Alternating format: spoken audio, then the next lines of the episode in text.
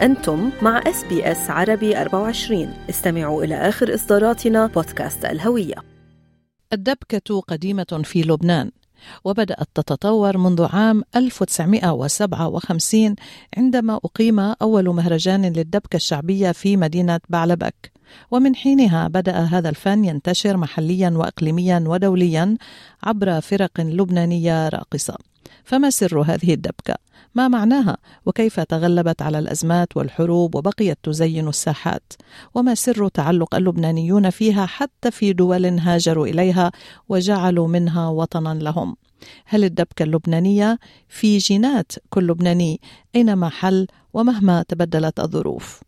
من اللبنانيين الذين أخذوا على عاتقهم إبقاء هذا التراث حيا على مدار 47 عاما إلي عقوري الذي ارتبط اسمه باسم فرقة أرز لبنان فهو الذي أسسها وتابعها وطورها لتبقى الدبكة اللبنانية بأحلى حللها تهز خطوات شبابها وصباياها المسارح والساحات.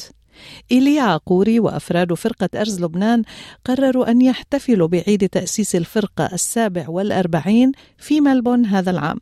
وخلال حديث أجريناه مع السيد إيليا عقوري وأفراد من الفرقة في استوديو أس بي أس بملبون قال السيد عقوري الفرقة دخلت عليها 660 شاب وصبية من وقت ما بلشت بال 77 آه بيروحوا وبيجوا في منهم بيتجوزوا من الفرقة وبيجيبوا أولاد وبيرجعوا بيجوا أولادهم كمان على الفرقة. فهي إحنا منا فرقة بس نحن عائلة وحدة. جميل جدا. يعني يمكن هالشي كمان بدل على إنه الدبكة اللبنانية وهالتراث الحلو هيدا بجينات كل لبناني. يعني مزبوط. وين ما كان مولود إن كان بلبنان أو بأستراليا أو بغير بتحس بيخلق الولد وعنده بيدبك هيك. هلا بالنسبة للثياب إذا منتبه في عنا الطرطور اللي هو لابسينه ال- الصبايا. نعم. الطرطور هو أصلا بيلبسوه كانوا الأميرات بلبنان. أكثر شيء الدروز آه، كان بيختلف على مستوى الأميرة. نعم. يعني في الطرطور كان القاعدة تبعه كانت نحاس أها. وكان جاي أطول وكل ما علي أكتر بتكون لها قيمة أكتر للي لبسته. نعم. هلأ لما اللي بلشنا بالدبكة ما فيك تلبسيهم نحاس على راسهم. نعم. فاخترنا هذا الموديل أو اختاروا قبلي كمان نعم. هذا الموديل حتى يقدروا يلبسوه ويربكوا فيه. بتشوفي الألوان بمعناتها ليه رايحة مع الشروال اللي هو نعم. الشروال اللي كانوا يلبسوه جدودنا. أخذوه حتى يربكوا فيه واللبادة والشرب الأبيض عليه. هلأ كل ضيعة بلبنان في عندها زي وفي عندها دبكة تختص فيها. مثل مثل آه، الدبكة الجنوبية الدبكة الشمالية الهوارة الدلعونة. لها ميزات خاصة لكل ضيعة. ولكن لما اللي بتشوفي الفرق عم بتقدم برا أو أو فرقتي هون فرقة أرز لبنان هي بتشمل لبنان كله والضيعة كلها يعني ما بنعطي لون لأي ضيعة بتشوفي شارليز وخيا شاربي لابسين غير لبس. ولكن أنا حافظت على الطرطور وحافظنا بدل ما نلبسه اللبادة نعم لبسناه بهالشكل هذا كفي اللي هو مثل الكفية والعقال نعم هلا الكفية والعقال مش كلهم بلبنان بيلبسوها في مناطق بيلبسوها الأكثرية الشمال الشمال الشمالي. والبقاع يمكن والبقاع. كمان أيوة. مم. وكمان لما بيلبسوا العقال حسب الطرحية مم. إن كان بيضة أو ملونة بتميز من وين جاي هو مم. كمان بتشوفي أوقات الطربوش اللي هو الطربوش الأحمر هذا منه زي لبناني هذا زي تركي نعم. ومغربي فمن ال- ال- اللباس بيكونوا لابسينه بتعرفي من أي نعم. منطقة واللباس اللبناني بالنسبة للألوان بيسألوني أوقات اللون بيميز شيء لا ما بيميز حسب اللي بيكون مسؤول عن الفرقة نحن عندنا 26 بدلة ما فينا نعمل نفس اللون فكل بدلة نعم. لون شكل يعني بالنتيجة الإنسان بيتطور مع العصر بيغير آه، لكي يعني تكون الألوان زاهية على كل حال. يعني آه، خبرنا أستاذ إلي يعني آه، كيف بتختار الدبكات ومين بيصمم هذه الخطوات؟ حضرتك مثلا أو كمان صار عندك يعني شباب وصبايا بيتدخلوا بتصميم الرقصات؟ كله أنا بعمله. نعم. خطوات الدبكة الكيوغرافي تبع الدبكة كيف لازم يتحركوا على المسرح. وقت اللي بعمل المسرحية بعمل الإخراج وبزيد عليها النص أوقات.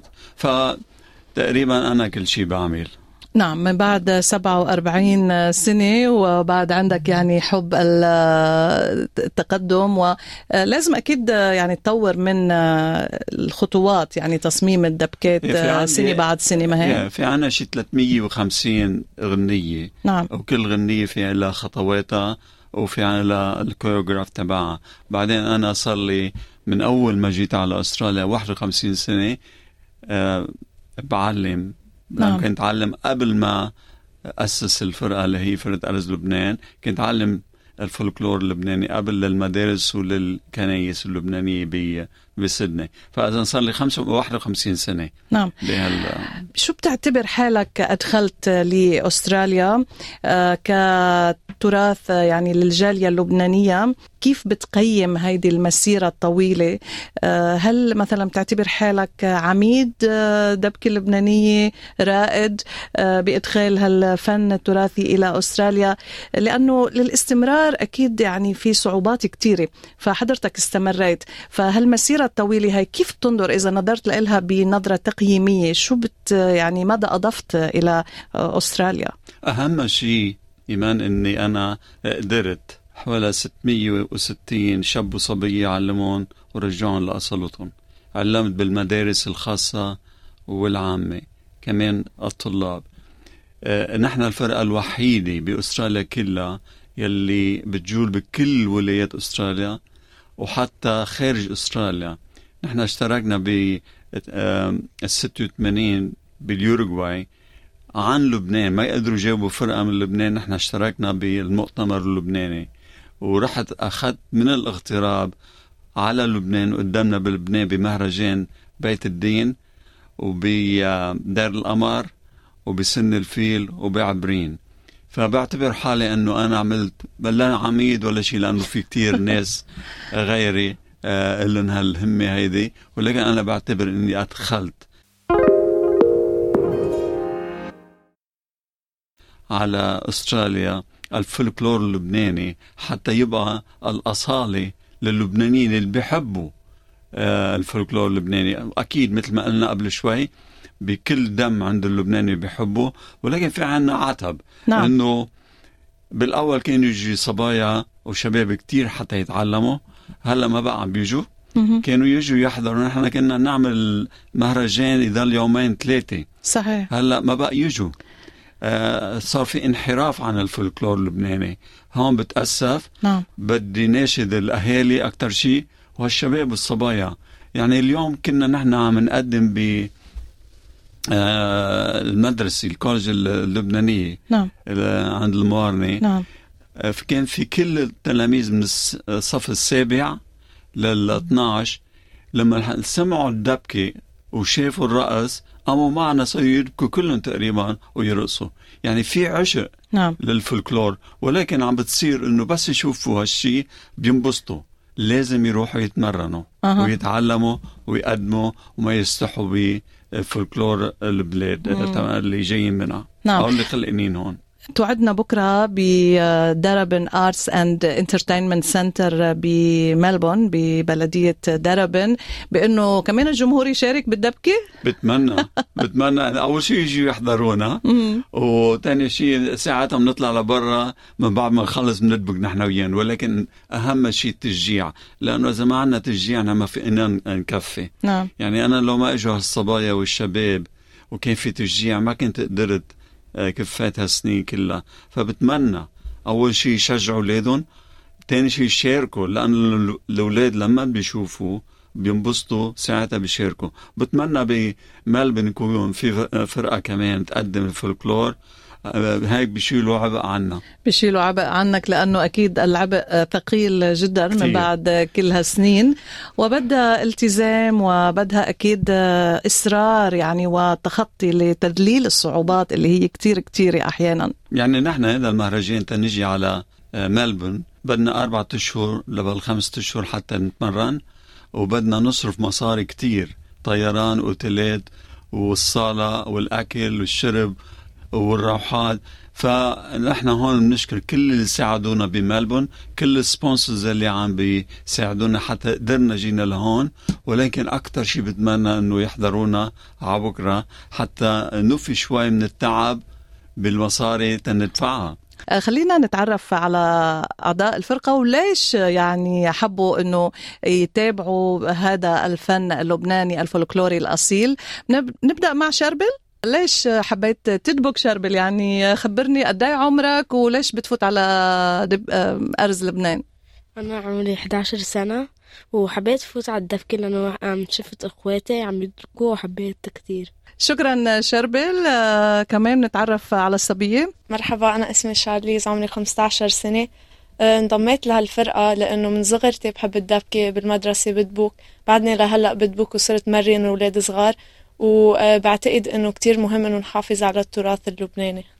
آه، كمان من كفي مع الشباب الكبار. أهلا وسهلا. مرحبا. آه، اسمي اسكندر منصور وعمري 28 سنة.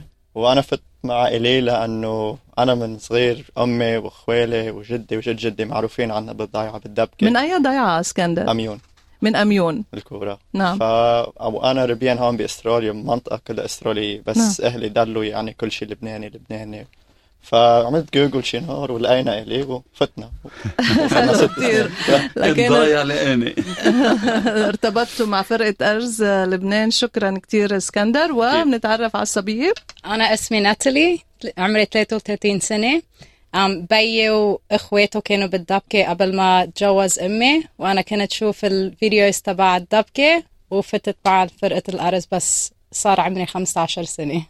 لك كتير يعني ناتالي. آه، شكرا كتير لكم أستاذ إلي آه، من جميع الأعمار ومن جميع آه، يمكن الضياع بلبنان حتى آه، وكل شاب وصبية بالفرقة عندهم آه، ارتباط معين عندهم آه، قصة معينة يعني بخليهم آه، يتابعوا وينضموا ويلتزموا بهيدا الفن اللبناني الأصيل. آه، ناتالي كان مثل ما قالت آه، بيا وأخواته آه، لما اتجوز إيه، رجع هو وأولاده بس بقيت ناتالي وحدها الشباب ما كفوا آم، هون آه، الصبي والشاب الحلو الصغير آه، خمسة بالفرقة يعني إخواتهم كمان. نعم. وحتى آه، بالمهرجان رح تشوفوا بيهم كمان عم بيمثل معنا. يعني من جيل لجيل. في ثلاث أجيال مرقوا. فإذا فرقة أرز لبنان للفولكلور غدا في ملبون في دربن آه، بحضور أعضاء الفرقة ومؤسس الفرقة الأستاذ إلي عاقوري اللي شرفنا اليوم باستوديو SBS. بنشكرك جزيل الشكر بنشكركم صبايا وشباب على حضوركم. نتمنى لك كل التوفيق.